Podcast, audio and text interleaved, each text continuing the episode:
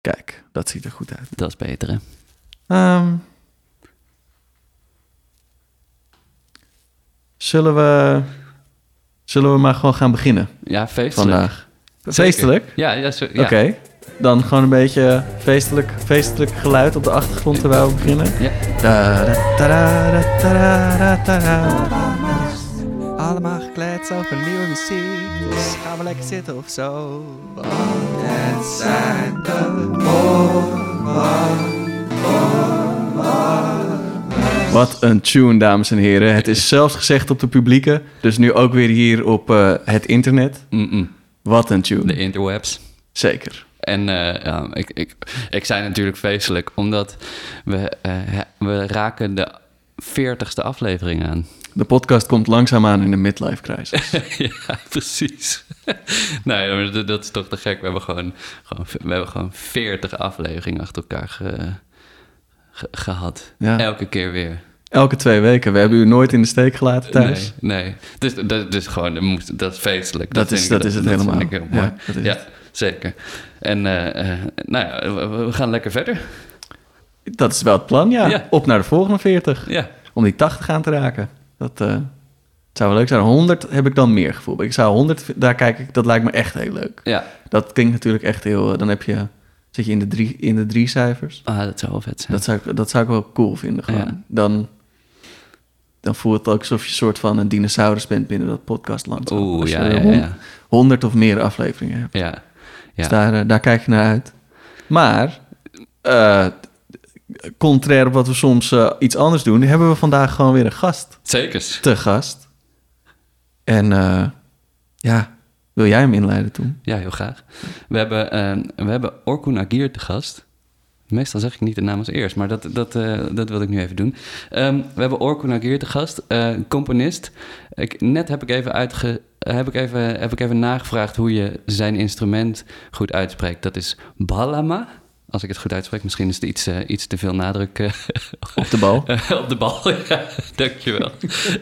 Ehm, eh, maar heeft, eh, ehm, eh, eh, heeft naast, naast compositie en Ballema ook Ottomaanse muziek gestudeerd. Dat, daar ben ik heel benieuwd naar. Hoe dat was en hoe je dat implementeert in hetgeen wat je schrijft. Even kijken. Heeft recent een hele toffe vrije geluidensessie online geknald. Eh, of die, er is een hele toffe eh, online gekomen die je absoluut, eh, absoluut moet luisteren. Ehm, eh, ik, vind, ik vind als ik de, de stukken die ik van jou heb gehoord en dan, eh, ehm, dan denk ik vooral aan een aantal liederen die ik van jou ken. Eh, er, ligt een, er ligt een wat, eh, wat nog in première moet gaan, maar wat, wat, al, wel is, eh, eh, wat al wel is gerepeteerd, ehm, maar door de corona's niet, eh, geen plek heeft kunnen vinden nog. Ehm, maar daar, daar spreekt altijd een, eh, vind ik een hele mooie, eh, eh, hele mooie contradictie tussen schoonheid en rauwheid. Er zit een bijzondere melancholie altijd in, in- of niet, al- misschien niet altijd, maar wat ik ken, een bijzondere melancholie in je muziek, eh, wat me raakt. En eh, eh, ik ben heel blij dat je te gast bent.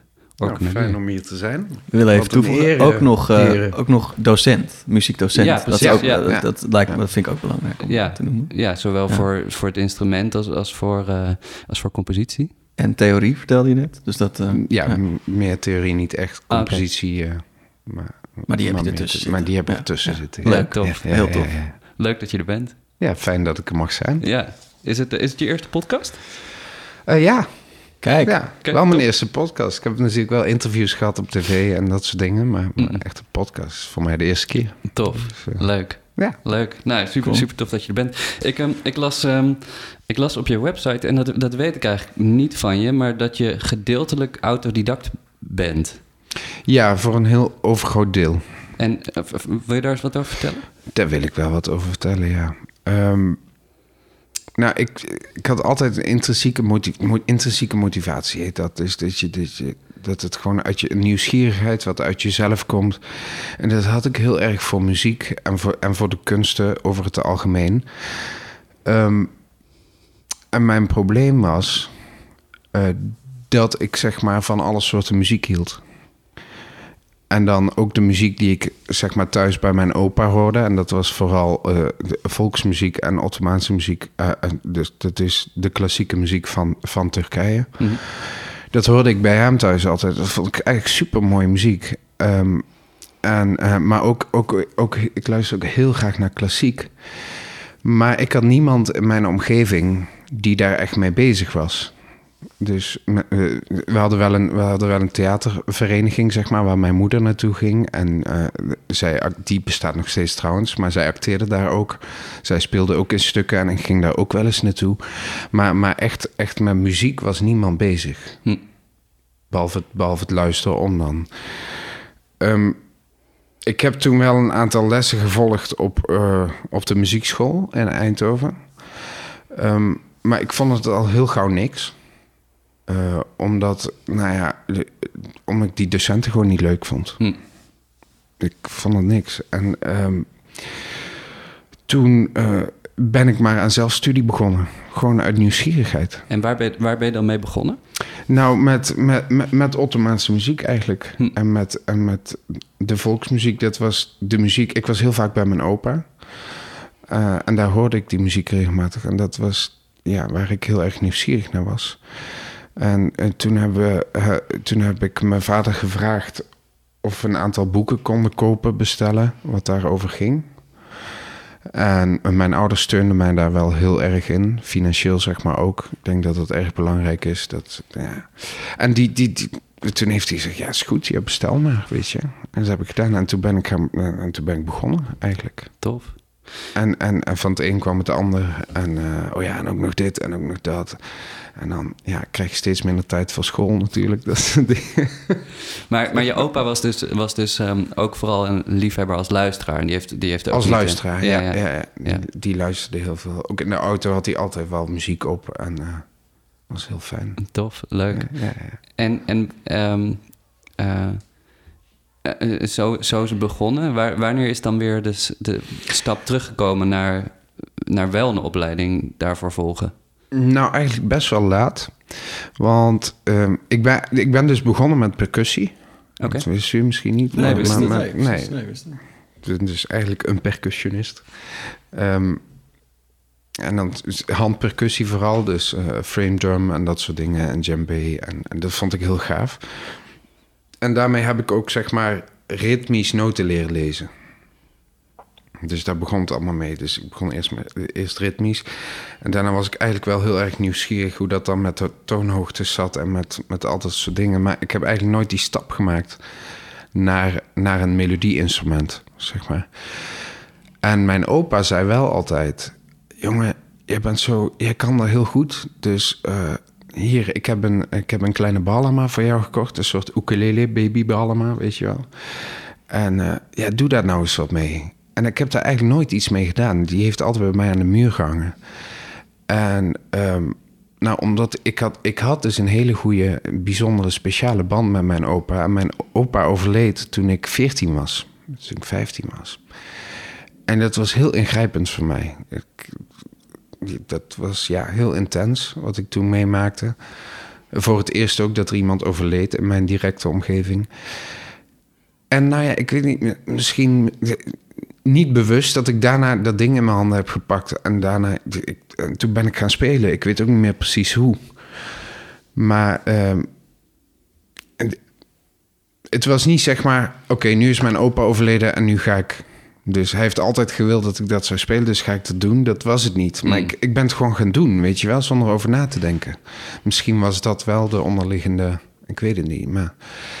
En toen ben ik daar, daarmee begonnen. En ik was al, ik was al zeg maar flink gevorderd voor, voor mijn eigen doen in mijn autodidactische eh, studie, zeg maar. Mhm. En ehm, nou ja, toen heb ik dus ook methodes gekocht voor, voor Balama. Ook alles wat ik kon vinden. Ehm, ik werkte toen al wel bij- de Albertijn, dus deels ook van mijn eigen geld. En, eh, en maar, maar ook weer met steun van, van mijn ouders, zeg maar. Mhm. Dus heel veel boeken gekocht en, en alleen maar studeren en alleen maar studeren. En toen, ik was 14 toen ik begon, zeg maar, daarmee. En ik had eigenlijk al vrij snel besloten dat ik naar het conservatorium wilde. Terwijl dat helemaal niet mijn bedoeling was. Want ik wilde iets met techniek gaan doen. Met, met, met scheikunde of natuurkunde, weet je wel. Iets in die richting. Maar ja, toen, nou, toen dacht ik, nee, ik ga gewoon de muziek in. Ik ga iets met muziek doen. Maar dat was vanaf het moment dat je dat, je dat instrument aanraakte? Of was dat er... Nou ja, het- Ja, niet misschien een, een aantal maar- maanden later. ja, ja, ik, ja. ik merkte gewoon, ik vind het zo leuk en ik vind het zo interessant. Eh, en eh, ja, dit, wil ik gewoon doen. Ik wil naar het conservatorium. Maar ja, dan krijg je weer nog een probleem. En dat is namelijk dat je denkt, tenminste zo'n ik had een beeld van het conservatorium. Ik dacht, ja, dat is de plek waar ik moet zijn. Daar kan ik alle antwoorden vinden op mijn vragen. En eh, daar lopen mensen rond die weten er heel veel van. En dat klopt ook wel natuurlijk. Maar toen dacht ik dus bij mezelf, en weer omdat ik dus niemand in mijn directe omgeving had, eh, omgeving had die zei: Jongen, nou even rustig aan. Ik dacht dus, iedereen weet daar alles die daar komen. Want die zijn natuurlijk begonnen op zevenjarige leeftijd op, op piano, op saxofoon, op ballen, op weet ik veel wat. Ja, en ik loop gewoon achter. Dat is wat ik dacht. Dus wat ging ik doen? Ging, zeg maar, eh, nou ja, omdat ik de afdeling Turkse muziek inging, omdat ik Balama speelde, dat was dan mijn hoofdvak. eh, dacht ik, oké, ik ga dat, dat Ottomaanse muzieksysteem, dat moet ik echt heel goed kennen. Omdat ik daar het minst van af weet. Weet je wel, dat Westerse, dat was nog, ja, dat wist ik nog allemaal wel. Weet je wel, septiemakkoorden en dat soort dingen. Ja. Maar dat, dat heet het Makam-systeem. Ik dacht, ja, daar weet ik eigenlijk te weinig van af. En dat kan eigenlijk niet als je Turkse muziek gaat studeren. En iedereen weet dat en ik weet dat niet. Dus ging ik heel dat boek uit mijn hoofd leren. Weet je wel, dat is zo'n dik boek met al die toonsoorten erin. En nou ja, ik was alleen maar aan het studeren. Ik dacht, mijn spel is ook veel te slecht, weet je wel. Dus ik zat 24 uur met dat ding. De hele tijd. En etudes en toonladders en, en, en stukken. En, en aan, aan de andere kant theorie, weet je wel. Al die toonladders en al die dingen. En toen, toen nou ja, werd ik, ik werd meteen aangenomen natuurlijk. En toen, toen kwam ik... pardon. In, in, nou ja, de eerste les Makam-theorie daar legde zeg maar de docent iets uit waarvan ik dacht dat je dat toch echt al lang moest weten als je daar zat. Mhm. Maar ja, ik had dus nooit in die periode bedacht, dude, je gaat daar naartoe om iets te leren, niet om te laten zien wat je allemaal al weet, weet je wel? Dat, ja. En dat zorgde ook een beetje voor een demotivatie, zeg maar, op het begin. Want ik wilde, ik wilde steeds meer, ik wilde alleen maar meer. En nou ja, toen ben ik ook een minor compositie gaan volgen en een minor pedagogiek en dat soort dingen. En ehm, nou ja, ik vond zeg maar niet al mijn docenten heel erg goed. Want ik had tot die tijd les gehad van, van zeg maar, hele goede docenten, vond ik zelf. Hm. Ik, vind, ik vond namelijk het lesgeven zelf, vond ik ook, dat wilde ik ook heel graag doen. Daar keek ik wel een beetje tegenop. Ja, mijn leraren. En die waren allemaal best wel goed. Toen kwam ik op een conservatorium en daar had je te maken met eigenlijk... Het is wel een probleem van meer kunstopleidingen. Dat je te maken hebt met mensen die echt waanzinnig goed zijn in wat ze doen. Maar ja, dat zijn gewoon geen goede docenten. Hmm. Dat zijn toch twee andere dingen. En ja, ik, ik, ik vond dat wel belangrijk, zeg maar. Ik let vroeger op de, op de middelbare school, op de HAVO, was ik ook meer, als, als een docent iets aan het vertellen was, meer aan het letten op, op niet, niet zozeer wat hij vertelde, zeg maar, maar de manier waarop hij het vertelde. Dus ja, oh ja, dan hij een grapje tussendoor. En dat vond ik heel interessant om dat zo te zien, weet je wel. En interacties met vervelende leerlingen, hoe die daarmee omging, eh, of zij. Dat soort dingen. Dat vond ik ook heel interessant om te observeren, zeg maar. En dat heb ik altijd al gedaan. Nou ja, en toen kwam je daar en dan had je geen goede docenten. En dan dacht ik, ja, ja wat moet ik nou? Ja, heb je hier nou al die boeken voor? eh, Ja, voor ja, precies. Ja. Ja, dat snap ik wel. Maar ik kan me ook wel voorstellen dat, ehm, omdat je zelf voor een, voor een hele tijd, eh, ook in het begin van, eh, van dat je inderdaad begon met muziek maken, dat je, dat je een hele tijd ook hebt, iemand hebt gemist om, om je daarin mee te nemen. En, om je, en ik kan me voorstellen dat dat ook een hele grote drijfveer nu is, om dat juist wel te Ja. geven aan, Ja, ja, ja. Ja. aan, aan, Absoluut. aan absoluut. de mensen die, eh, ja, bij wie je zo'n motivatie voelt. Ja, en Want nou dat ja, is duidelijk, duidelijk aanwezig geweest bij je. een motivatie om, om eh, muziek te maken. Ja, en dat, en dat voel ik bij heel veel leerlingen. En ik wil ze dan ook zo goed mogelijk begeleiden. En met heel veel ruimte voor hun eigen interesses. En ze gewoon daar een beetje, weet je, een beetje bij helpen. Mm. Dat is eigenlijk het beste wat ik kan doen. Zodat zeg maar, die leerling of die persoon zich, zichzelf kan ontwikkelen. Mm. En daar gewoon een beetje richting aan geven. Weet je wel, dat je dan, dat, dan zie ik iets moois wat Remy doet met zo'n jongste componistendag. Met jullie stichting in de, in knop. de knop, ja, klopt. En dan denk ik, ja, dat is iets voor hem, weet je wel. Voor, Ja, voor een leerling van mij. Dan denk ik, ja, die moet daar naartoe. Nou ja, en dan zeg ik, hé, hey, er is een eh, componistendag. Wil je daar niet naartoe? Want je schrijft hele mooie muziek. Ja, dat weet ik eigenlijk niet. En dan zie ik eigenlijk diezelfde onzekerheid die ik zelf ook wel had, een beetje had. Hij weet het gewoon niet. Mm. Nou ja, en dan zeg je, ja, je moet er echt naartoe. En ik, ik, ik geloof er gewoon in dat, dat, dat, dat, dat je het goed kan.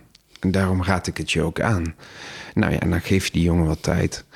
En dan komt hij over twee dagen. Ik zeg, heb je erover nagedacht? Ja, ja, ik wil eigenlijk wel doen. Ik zeg, top, kom, gaan we aan de slag. Kom maar met die stukken.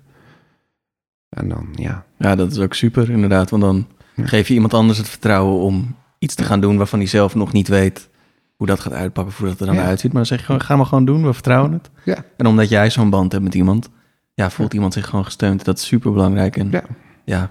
heel, heel, heel wel. waardevol. Ja. Eh, nu weten we een beetje hoe je tot muziek bent gekomen. Mm. Maar- ja, dat je, maar je mailde al, ehm, er is ook een stuk, als je warmer, eh, een stuk waardoor je tot de nieuwe muziek bent gekomen. Of tenminste, Ah, zo, ja. zo, Ja, zo ja, gaf je hem aan. Ehm, wil je zelf iets over het stuk vertellen? Want we gaan er zo meteen natuurlijk een stukje naar luisteren, maar het- Eh, leuk om misschien even in te leiden. Nou ja, het is, het, is, het is niet mijn... Je vroeg om, tussen haakjes, het favoriete stuk. Ja, dat is altijd de lastigste vraag Ja, het is een lastige vraag. Het is zeker niet mijn fa- favoriete stuk om naar te luisteren. Maar het is gewoon, het is gewoon een heel belangrijk stuk. Eh, zoals ik ook in de mail zei, omdat ik door dit stuk me meer ben gaan richten op de hedendaagse muziek. Eigenlijk op de hele westerse muziek ook wel, zeg maar. Ook heel de geschiedenis. Dit opende echt een deur voor mij. En dat is- was de Modern Love Waltz van Philip Glass. Kort stukje voor piano. Misschien We gaan eerst even een stukje luisteren en dan gaan we daarna even horen wat er dan gebeurde in jouw kopie toen je dit Ja. hoorde.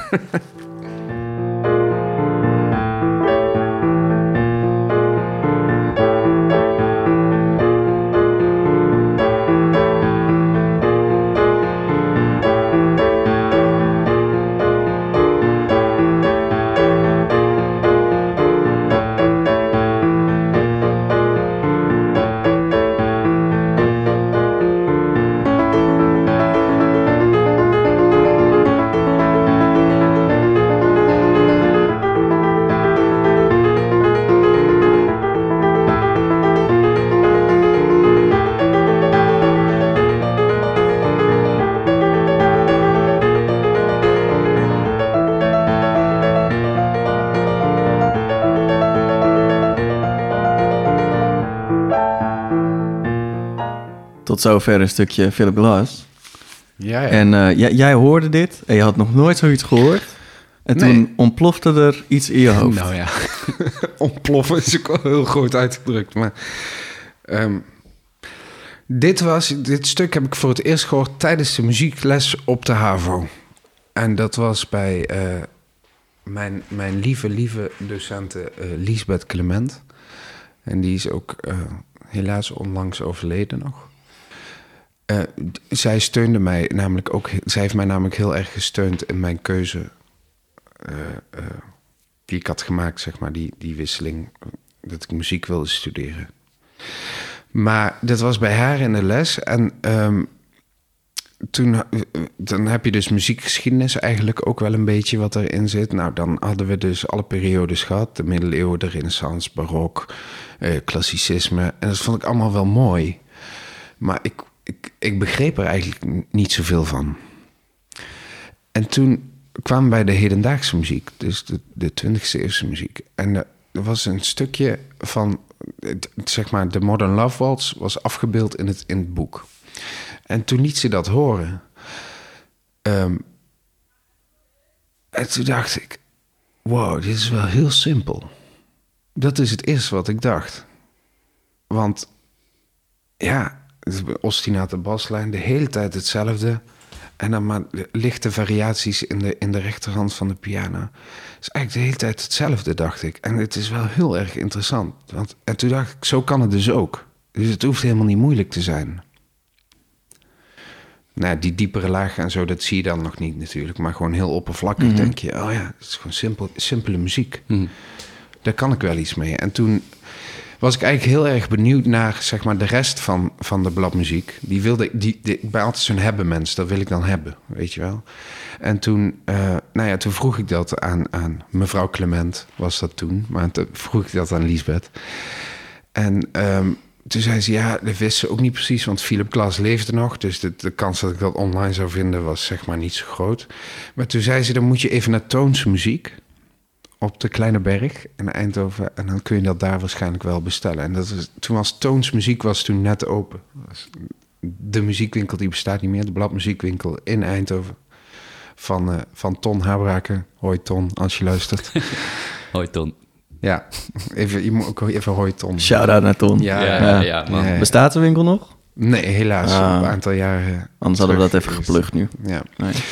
Maar eh, toen ben ik daar, daarheen gegaan en toen zei ik, ja, ik, heb de, ik, ik wil de Modern Love Waltz van Philip Glass, die wil ik bestellen. Ik wist ook niet hoe dat ging. Oh ja, dat kan wel. Toen zocht hij iets op in zijn computer en dan kon ik hem een week later komen ophalen. Nou, en toen had ik dat stuk en ik kon ook geen piano spelen. Nee. Maar wat ik wel kon doen, was ballen spelen. Dus wat ging ik nou doen? Ik ging dat, dat stuk proberen te spelen op mijn instrument. Nou ja, dat, dat, zijn moeilijk, dat zijn grote intervallen, dus dat ging een beetje moeilijk. Maar al tappend ging het wel. Dus ja, toen ging ik dat stuk gewoon spelen. En toen, eh, nou ja, in twee tracks natuurlijk. Dus ik had eerst die baslijn zelf opgenomen. En dan dat deuntje erbovenop en die akkoorden. Nou ja, toen ging ik dat uitvogelen, hoe dat in elkaar zat. Het was nogmaals heel simpel. eh, eh, een, een, een akkoord op A en een, en een best dominant septiem akkoord. En dat is eigenlijk heel het stuk. En dat, dat was. En toen. En, en dan ben, word ik dus heel, heel erg nieuwsgierig. En dan moet ik alles hebben van Philip Glass. Maar, dan, maar echt alles wat ik kon vinden. Dus dan ga je naar Bullet Klassiek, had je toen. Dat heb je nou nog steeds, geloof ik. Maar nou ja, dan ga je naar CD's. Weet je, Spotify was het ja. toen nog niet. Nee. YouTube was ook niet zo groot.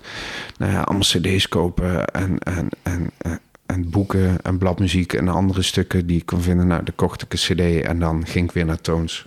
Dus ik, ja, ik wil die ook en die ook en die ook. Ehm, nou ja, met, met Philip Glass begon het. En toen, zeg maar, ben ik eigenlijk via hem nogmaals, zeg maar, terug in de tijd gegaan om al die tijdperiodes. eh, te- te- Cool. Ja. Het gaf je de opening. ja, dat was. Dat, dat opende echt letterlijk Ja. en figuurlijk de deur voor me. Ehm, en het- daarom, het is een belangrijk stuk van me. Ja. Maar inmiddels ben ik een hele grote Penderecki-fan. En dat weten jullie. Ja. Dat weet de hele wereld ondertussen. ja. En ik denk dat we zo meteen ook wel bij een Penderecki komen. Dus dat, eh, Oh, is dat zo? Wie weet. ja, Oh. volgens mij is er iets ingestuurd. Dus dat, eh, daar komen we vast zo meteen. Ja, maar de, de, dus Philip Glass zo. Nou ja, en dan, en dan begin je, zeg maar... Nou, nou, dan, ga je, dan ga je naar Terry Riley en dan ga je naar, eh, ehm, naar, St- naar Steve Reich. Ja. Ehm, wat ik trouwens een waanzinnig stuk vond, van, wat me heel erg raakte van Steve Reich. Maar ik ben natuurlijk niet de enige, was Different Trains. Ja, heel goed. Dat was, stuk. eh, Ja. En ja, die bladmuziek was dan te duur voor mij. Oh, ja. dus ja, dat snap ik wel. Dan die heb je ik- meteen een boekwerk. En ja, die heb ik dus nog steeds niet. Nee? nee. Oh, ja. Nou, er is... eh, Denk ik wel ergens op internet te vinden. Oh ja, misschien wel. Dat misschien ook, maar ik bedoel, eh, ehm, de, de- deze podcast is al eerder geweest eh, ehm, eh, de- eh, bij de aflevering van Bianca Bongers. Ik weet niet of je het nog weet. Vroeg zij om een CD die ze niet kon vinden. Oh, met dat- ja, dat is ook zo. En dat is toen is via succesvol een van onze geweest, ja. luisteraars, via Paul Ja. Jansen, is die CD dus bij haar terechtgekomen. Dus Ja. mocht iemand Different Trains in bladmuziek even een pdfje kunnen sturen naar ons, dan, dan komt hij komt bij Orkoen terecht. En dan, eh, We kijken naar jou, Anthony. waarschijnlijk waarschijnlijk heb je dit. Waarschijnlijk. Waarschijnlijk heb je dit. Ehm, eh, wat ik ik, denk dat dat wel een, een toffe vervolgvraag is, maar ik was er vooral zelf heel benieuwd naar. Is ehm, eh, dat ik ook over je las dat, ehm, dat, je, dat je aan de ene kant heel erg eh, wordt geliefd om je, om je de manier waarop je met je instrument omgaat en aan de andere kant bekritiseerd. En ik kan me aan de ene kant wel, ik kan me allebei wel voorstellen, maar, maar ehm, eh, of ja, ik kan me allebei voorstellen, eigenlijk misschien wel door het verhaal wat je net vertelde, maar eh, hoe, hoe merk je dat, dat je kritiek krijgt op, op, op, op, dat, op, dat, op je spel daarin? Komt dat door nou, de niet, composities niet of zozeer om de- het spel, eh, maar meer, dat is dan de conservatieve hoek. Maar meer door, door al die aanpassingen die ik aan het instrument heb gedaan, Wat, wat voor aanpassingen? eh, vertel ik zo. Maar dat is ehm, die aanpassingen die ik allemaal heb gedaan, waardoor het voor sommige mensen geen ballen meer is. Ah ja. Hm. Maar een totaal ander instrument. Ja. En dat is stiekem ook wel een beetje. Ehm, toen ik, dus zeg maar, de, de balama is van oorsprong een volksmuziekinstrument. Dus dat is, eh, zeg maar, de, de flamenco-gitaar uit Anatolië is dat. Daar speel je volksmuziek mee. En dat is hele mooie muziek. Maar iedere keer als ik dat, dat speel, of, of, of stukken zeg maar uit die cultuur speel, merk ik toch wel dat, dat gewoon, ik vind het een mooi instrument, dit is mijn instrument, maar ik behoor niet tot die cultuur. Dus het, eh, het voelt dan iedere keer alsof ik de boel aan het bedriegen ben of zo. Terwijl ik, terwijl ik, nou ja, snap je wat ik bedoel als ik dat zo zeg? Terwijl ik, terwijl ik wel heel goed kan. En terwijl ik wel precies weet hoe die cultuur in elkaar zit, want dat was ik allemaal nieuwsgierig naar. Dus dat heb ik allemaal onderzocht en gedaan. En, ehm, maar het is, niet, het is niet mijn muziek. Dat is het. Ik, ik kon het heel goed nadoen. Hm. Dus ik, ik zat daar niet lekker mee de hele tijd. Want dan krijg je stukken voorgeschoteld. Nou ja, dat moet je dan spelen, want dat hoort zo. Mhm, ja. Maar ja, ja dat, dat ben ik niet. Snap je? Dus ja, ik kan twee dingen doen. Of ik kan weer helemaal opnieuw beginnen en, eh, eh, en weer hetzelfde traject doorgaan op een piano of op een cello of, eh, of een ander instrument. Of ik kan het instrument waar ik zoveel tijd in heb gestoken gewoon veranderen en daar andere dingen mee doen. Want tenslotte is het een instrument. En zeg maar, de conservatieve hoek in de muziek, die, die, die ziet dat meer als een symbool, zeg maar, voor die cultuur, dan, dan een instrument om je mee te uiten. Hm. En, de, en, en ik zag dat niet als zo'n symbool, zeg maar. Ik vond dat dat anders moest. En dat dat ook anders kon. Maar ja, dan moet dat instrument wel voor aangepast worden. Want ik werkte samen met kamermuzikanten en dan... Het was, volume was het voornaamste, dus het was, het was een heel zacht instrument. Het, het klonk heel zacht.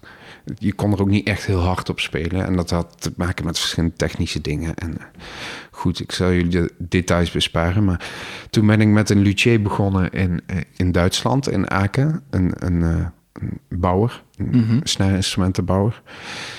Ehm, om eens wat andere dingen te proberen, weet je wel. Het klankgat voor en misschien het voorblad van binnen wat te gaan veranderen.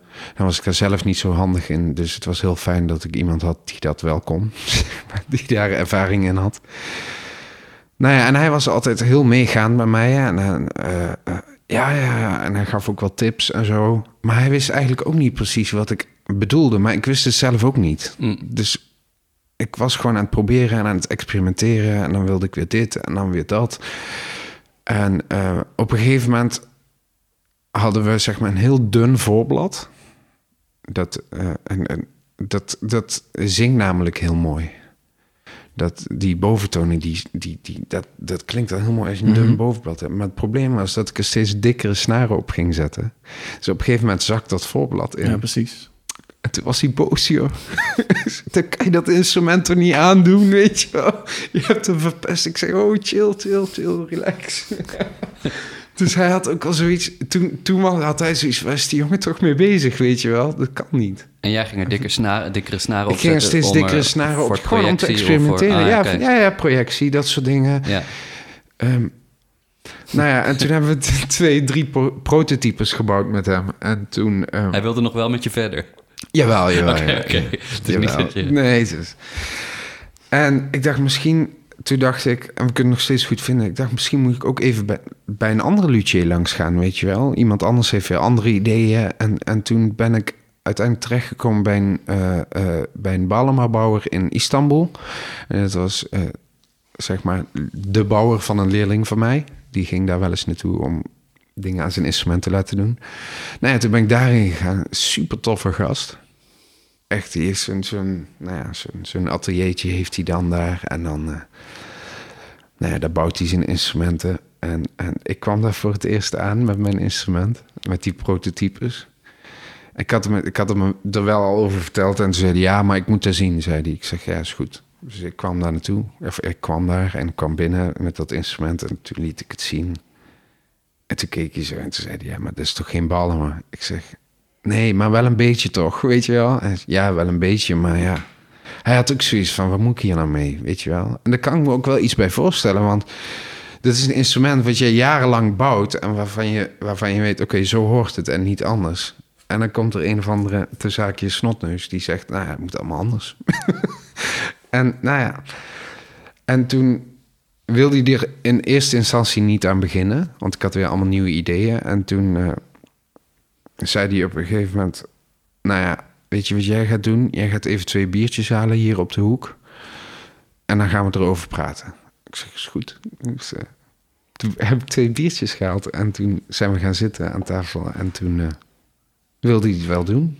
En hij heeft eh, tot nu toe twee hele mooie instrumenten voor mij gebouwd... waar ik heel tevreden over ben. Het instrument heeft meer volume, het heeft meer karakter, het heeft meer projectie. Ehm, ik kan zeg maar gehoord worden als ik met een strijkkwartet samenspeel. Dat was wel erg belangrijk Ja, voor ja. me. Dat ik niet zit te klooien met een piezo-elementje... en dat ik met een versterkertje onder mijn stoel, zeg maar. Dat, ja, precies. Dit wilde ik helemaal niet. Ik wilde het gewoon akoestisch houden. En noemt, noemt die bouwer het een, een ballama? Nou, ja... Hij, zei, hij zegt altijd dat ding van Orkoen. Oh ja, oké. En blijf, blijf, blijf voorzichtig. ja, ik blijf voorzichtig.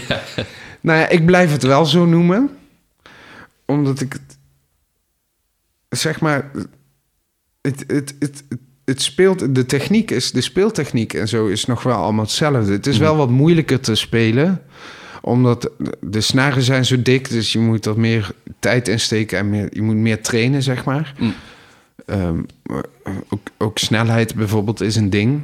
Snel spelen, daardoor. Maar dat, komt, dat ga ik ook nog wel fixen. Maar Ehm, ja, Cool, ja, maar dat, Ja, begrijp, ja. begrijp ik Ja, helemaal precies. inderdaad. het is, Mensen- het, is, die- het is wel een ballen, hoor. Ja, maar mensen en die puur inderdaad eh, eh, helemaal vervlochten zijn in die traditie... en, en vinden dat alleen voor die, voor die volksmuziek is... en een bepaalde kwaliteiten daarin hebben... dan kan ik me voorstellen dat die daar eh, in ieder geval een reactie op willen geven. Of dat nou kritiek is, weet ik niet. Want Nou ja, sommige mensen... Ja, ja dat, dat vroeg je. Ja, sommige mensen vinden het wel echt... Die vinden het niet kunnen. Ja. Maar die vinden het ook echt heel oprecht niet kunnen. Gewoon Hmm. wat ik allemaal doe. ook niet als ze, als ze, ja, als ze inderdaad ehm, een uitvoering met strijkkwartet eh, horen. Eh, nee, want daar staan ze dan sowieso niet voor open. nee, oké, ja. Ja. Maar die, die zijn er wel heel veel, hoor. Dat Ja. is echt... eh, eh, maar, maar aan de andere kant... Dus ook heel veel mensen zoals- die heel enthousiast zijn. Die denken, ja, het, eh, progressie, weet je wel. Hm. Het gaat de goede kant op, ja, ga zo door. En ja, en weet je, ik heb zoiets... Ja, ik blijf toch wel doen wat ik interessant vind. Ja, ja. En of jij daar nou kritiek op hebt, ja. Nee, precies. Dat maakt niet zoveel is- uit. Het is fijn als Ja. ik mijn ding maar doe. Ja, precies. En dat, ja. Eh, en zo moet je dat ook doen.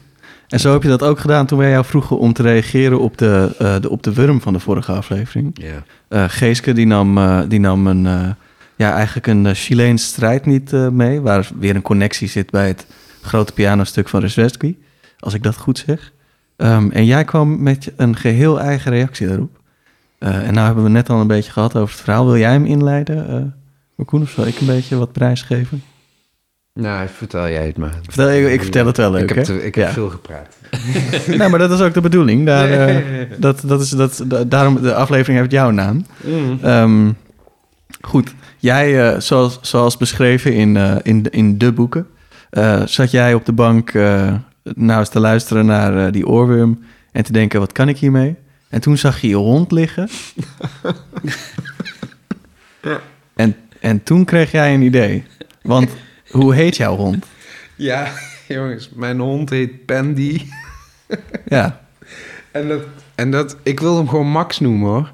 Maar ik, heb, ja, ik heb een Mechels herder. ja, Dus ja, Max vond ik wel een Mechels herdernaam, ja zeg maar. zeker.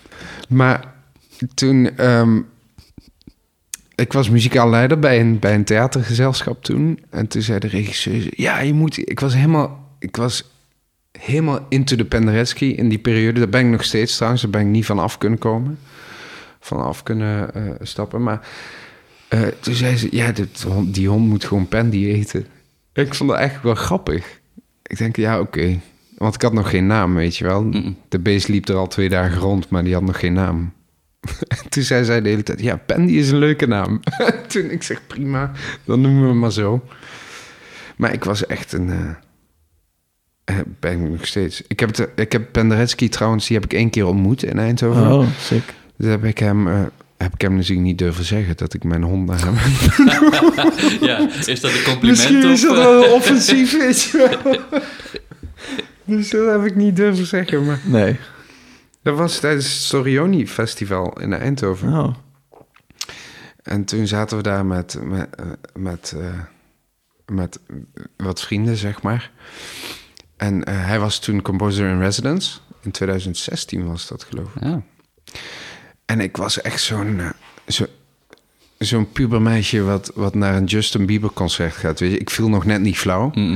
En, eh, en toen ja, moest ik hem ontmoeten. Dus heb ik gedaan. En toen wilde ik eigenlijk een paar stukken laten signeren. Maar ik durfde niet heel die stapel mee te nemen. Want dat, ja, dus ik had twee stukken uitgekozen. En een daarvan was, was zijn tweede celloconcert. En eh, de ander was Sinfonietta voor strijkers. En nou ja, wat moet je tegen zo'n man zeggen, weet je wel? Die hoort het 80 keer op een dag. Maar ik zei, hey, I'm a great fan of you. En eh, eh, nou ja, dat soort dingen. En would you please sign these scores? En toen zei hij... en toen keek hij mij zo aan. En toen gaf ik hem het, eh, het Sinfonietta aan. Want het was een man... Hij hield zeg maar heel erg veel zeg maar, van vrouwen. Dat wist ik van hem. En van mannen moest hij niet zoveel... Nou ja, daar had hij niks mee. En... ehm, nou ja, ik had twee vrouwen bij me. En toen... En jij was een tienermeisje op dat moment. Dus dat, ja, dat ook ja. ja. Giechelen Van met binnen. stijve tepeltjes. Van binnen. Ja. En daar was hij dan heel vriendelijk naar. En toen, nou ja, had hij meteen een andere, eh, zeg maar, blik toen hij naar mij keek. En toen zei ik, eh, en toen gaf would you please sign these scores? En eh, nou ja, toen had hij, gaf ik hem zijn sinfonietta aan. En toen keek hij zo en zei, "Eh, great peace of mind, zei hij. ik oh. En toen nou, heeft hij die gesigneerd. En toen gaf ik mijn tweede celloconcert. Dat is zo'n partituur. En toen keek hij me aan en toen zei hij... Are you a cellist? zei hij. En toen zei ik... no, I'm a composer, zei ik. En toen, toen keek hij me echt zo van top tot teen aan, weet je wel. En dan zo zijn bril zo op zijn neus. En toen, ja... Eigenlijk met zijn blik al zei hij... Er wordt nooit iets met jou, weet je. En toen zei hij... Good luck. En toen liep hij weg. En dat vond ik zo fantastisch. dat, hij, dat hij me gewoon aankeek en dat hij dacht... Tenminste, dat is dan die voorstelling die ik erbij had. Dat las ik uit zijn blik, zeg maar. Zo van, er wordt nooit iets met die jongen. En dat vond ik fantastisch. En kijk je nu. Hij heeft dus ook wel eens gewoon ongelijk gehad, die nou ja, dat weet ik niet. Misschien wel. Nou, dat, eh, in het gesprek wat we tot nu toe hebben gehad, kan de conclusie gewoon zijn dat eh Penderecki ongelijk had, Ja. eh, maar toch mooie muziek heeft geschreven. Dus dat we er toch Ja. naar gaan luisteren. Ehm, Ah ja, komt- Dit was dus, ik zag mijn hond op de bank. En toen dacht ik, ik doe een stuk van Penderecki. en je- eh, gelijk heb je. Wat een hond. Dus dit, wat een hond. hond, wat een beest.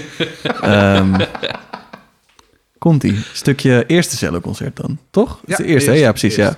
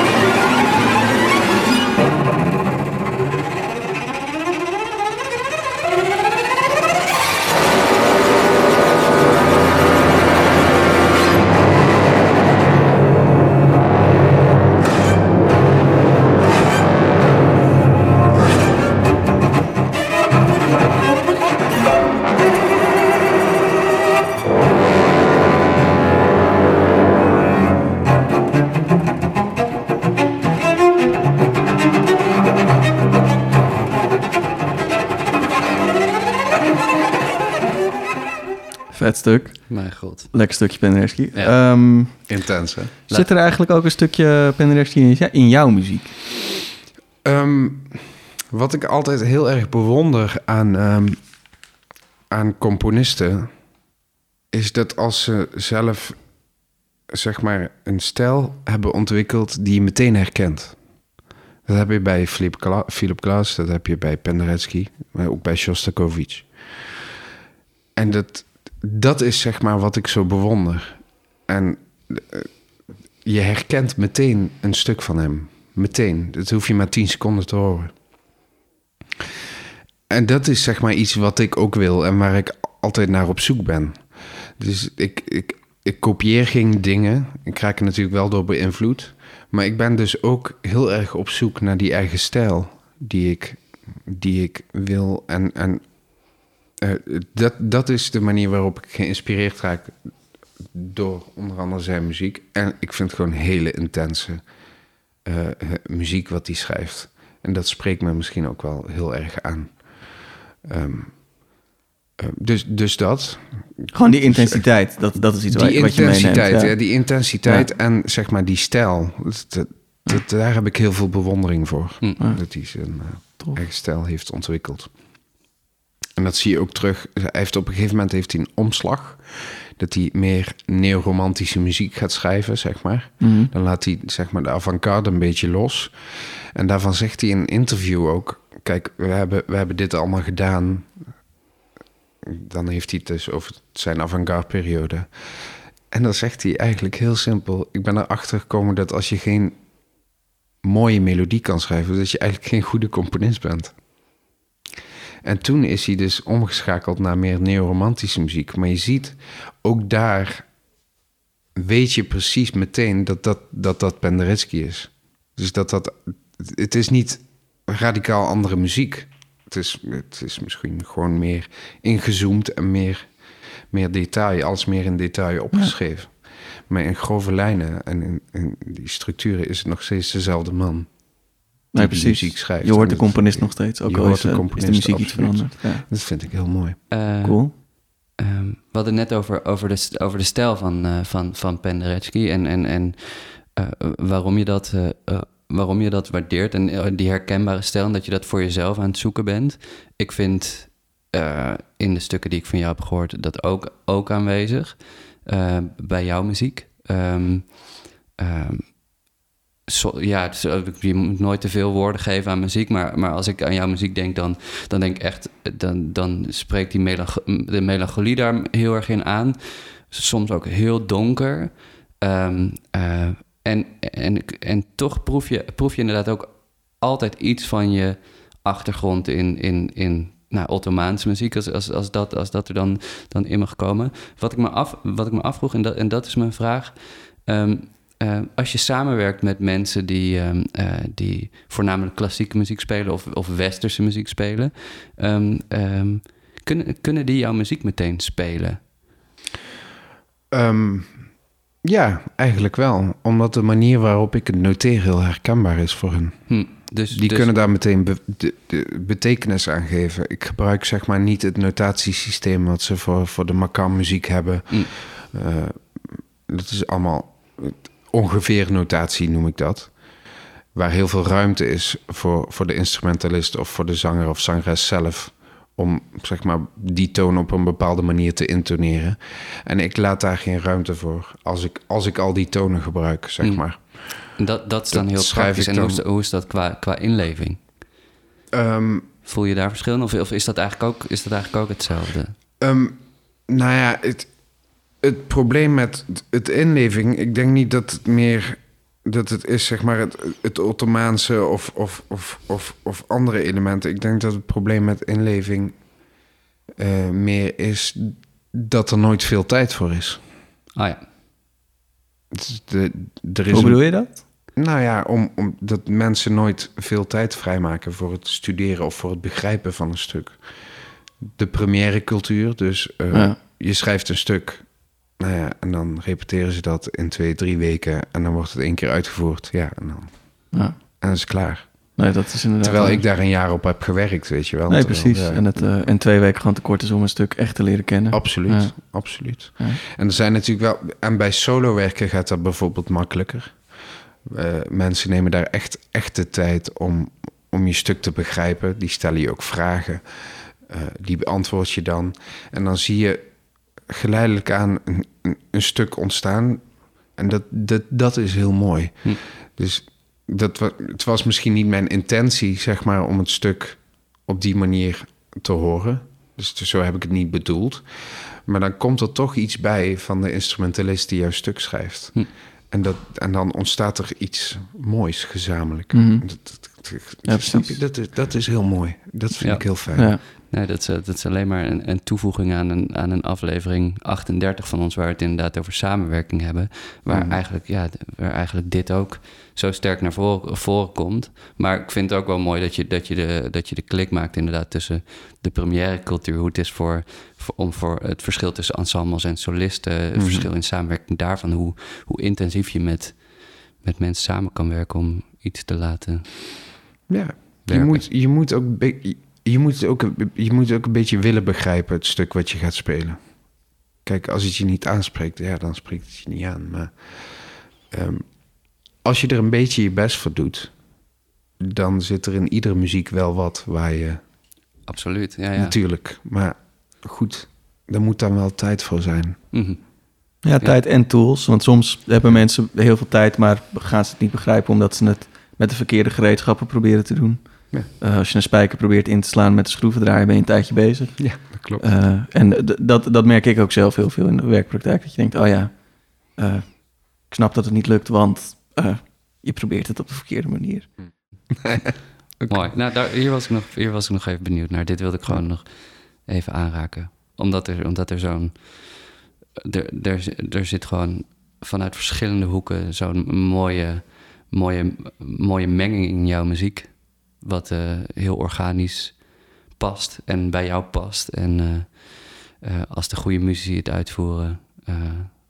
ja, geweldige, geweldige concerten kunnen opleveren. Dus... ehm, Dank u. ja, bedankt. Heel fijn om te bedankt. horen. Fijn, super fijn dat je hier was. Ja, ik vond het ook super fijn en het, het was een eer. Nou, goed Nou, ja, mooi om te horen. Nou ja, en, en, en, en voor jullie, lieve luisteraars, eh, zoek vooral ook de, de muziek van Oorkoen op. En, en eh, ga naar die vrije geluidensessie die recent online is gekomen. Of, eh, of op, eh, op je website zijn ook verschillende Hmm. mooie, mooie video's te bekijken. Ehm, doe dat. Ga het ontdekken, Ga het ontdekken. zou ik zeggen. En eh, hou je oren warm. Oh, mooi. Hou ze warm. Hola, mi amigos. Ik heb deze week intens genoten van het voorjaarzonnetje. Hoe is het met jullie? Ik vond het heel interessant om te horen hoe een componist en muzikant heden ten dagen bezig is met het verder ontwikkelen van een instrument. En wat een innemende gast vind ik Orkoen toch. We hebben na de opnames nog drie kwartier naar foto's en filmpjes van zijn hond gekeken. Zo cute. Goed. We horen elkaar over twee weken weer. Dan komt er weer zo'n lekkertje te gast. Yummy. Zin in. Doei.